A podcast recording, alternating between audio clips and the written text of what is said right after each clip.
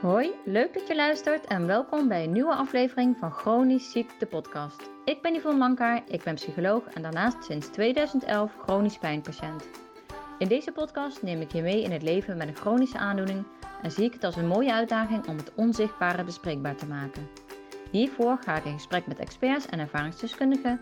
Ik deel naast mijn eigen ervaringen ook handige tips en met dit alles hoop ik je te inspireren tot een waardevol leven, ook als je chronisch ziek bent.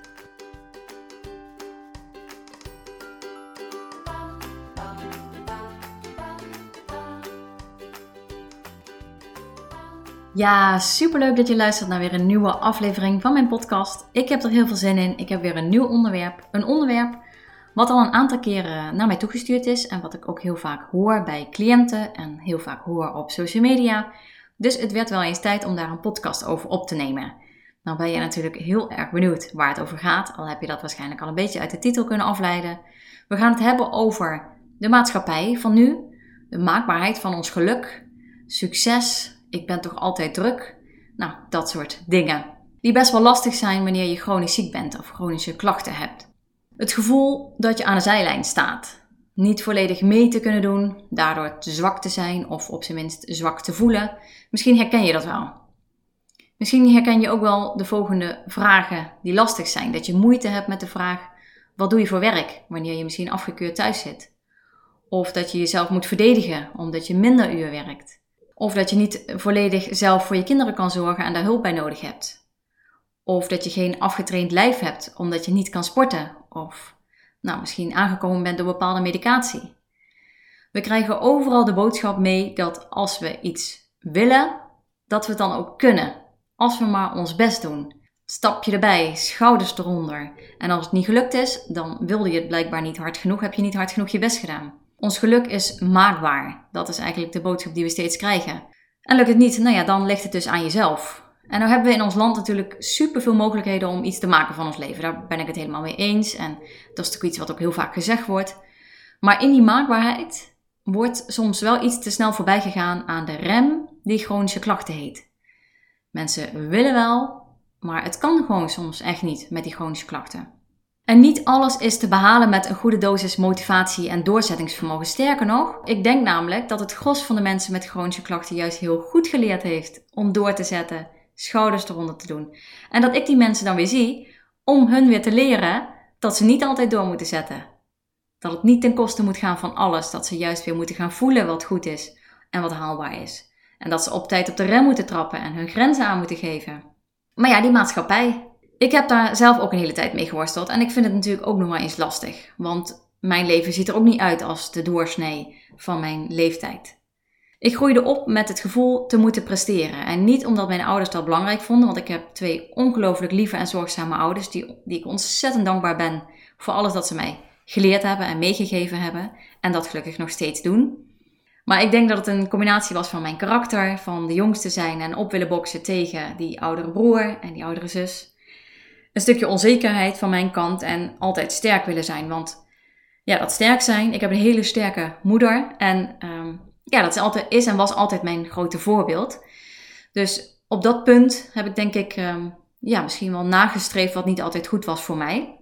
Maar ondertussen genoot ik ontzettend van de dingen die ik goed kon. Ik kreeg daar complimenten voor en dan is één en één heel vaak natuurlijk twee. Alleen toen ik chronische pijnklachten kreeg, toen begon dat treintje een beetje tegen te sputteren dat kwam tot stilstand. Ik kon niet meer voetballen. Ik kon niet meer werken. Ik kon niet meer, ja, voor mijn gevoel die leuke, actieve, ondernemende vriendin zijn. Voor mijn vrienden en voor mijn partner.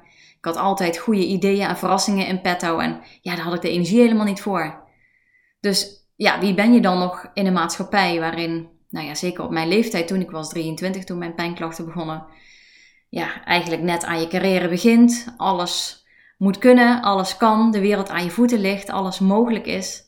En dat is natuurlijk een beetje gechargeerd, maar zo voelt het op dat moment voor mij wel. Alleen ik was bezig met overleven. Ik had genoeg aan mezelf. Ik kon niet meer zien wat nou mijn kwaliteiten waren. En ik kon ook niet meer zien hoe ik die nou in moest zetten. Dus ja, ik, ik was vooral teleurgesteld in mezelf. Ik was teleurgesteld dat ik mijn werk niet meer kon doen.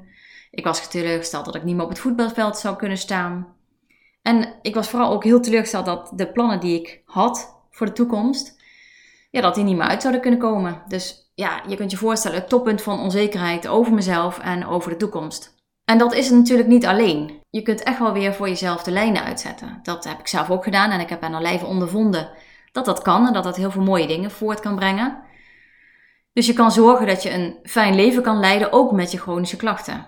Je kunt dus niet altijd wat je zou willen als je maar je best doet, maar je kunt wel altijd iets doen om je situatie te verbeteren. Je kunt leren om liever te zijn voor jezelf. Je kunt leren minder kritisch te zijn. Je kan nou, bijvoorbeeld leren je lat omlaag te leggen. Je kan leren dat je jezelf niet meer continu moet vergelijken met wie je vroeger was en wat je vroeger kon. Je kan leren dingen goed in te plannen die je wel kan en waar je energie van krijgt.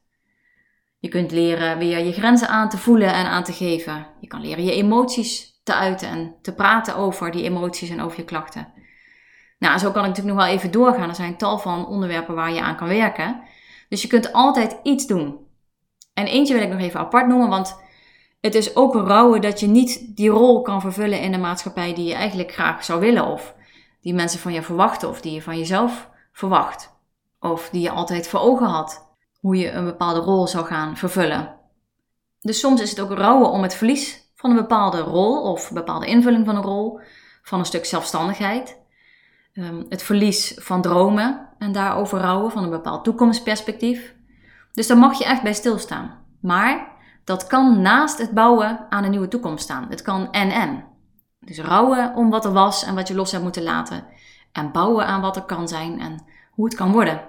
Maar het is dus goed om stil te staan bij de vraag: wie en wat vult jouw batterij van zelfvertrouwen? Is het voor jou belangrijk wat je kunt? Of dat je je eigen geld verdient?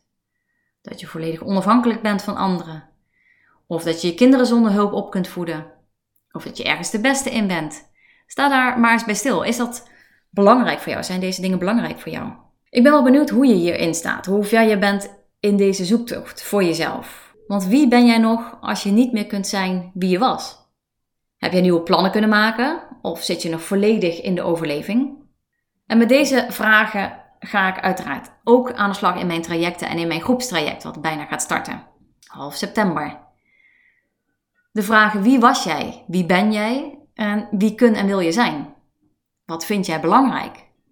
Wanneer is jouw leven geslaagd? Wanneer is jouw leven waardevol? Welke kwaliteiten bezit je en hoe kun je die inzetten? Welke plannen kun je maken voor de toekomst? Welke plannen wil jij maken voor de toekomst? Hoe kun jij toch ongelooflijk trots zijn op jezelf in deze maatschappij die gericht is op succes en de maakbaarheid van geluk? Dit en nog veel meer komt er in het groepstraject aan bod. En ik kan je alleen maar zeggen, als je je aangesproken hierdoor voelt, als dit voor jou een worsteling is, als jij midden in die zoektocht zit en vastzit en, en geen idee meer hebt wie je bent, waar je naartoe wil, wat er nou echt belangrijk is voor jou, dan zou ik zeggen, kom erbij. Ik sta met open armen klaar om te starten met jouw zoektocht. En voor jou, als jij denkt, het groepstraject is voor mij niet helemaal op het juiste moment of niet helemaal voor mij, dan zou ik je toch willen vragen, spoel eens even terug naar die vragen die ik stelde en ja, noteer ze eens.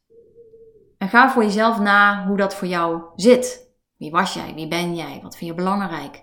Wanneer is jouw leven geslaagd? Wanneer is jouw leven waardevol? Spoel eens even terug, noteer de vragen en ga die zoektocht voor jezelf even na. Misschien heb je al op heel veel vragen al antwoord, supermooi.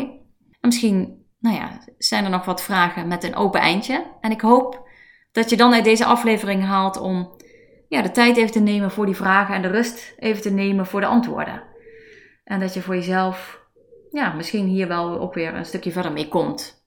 Nou, dan hoop ik dat jij ja, hier uit deze aflevering weer wat uit kan halen. Wellicht wat tips of eye-openers of vragen die je aan denken zetten. Dan ga ik eh, hiermee deze aflevering afsluiten. Super bedankt weer voor het luisteren en uh, voor nu een hele fijne dag en tot in de volgende aflevering. Superleuk dat je weer luisterde naar een aflevering van Chronisch Ziekte Podcast. Ik hoop dat het je nieuwe inzichten en inspiratie opgeleverd heeft.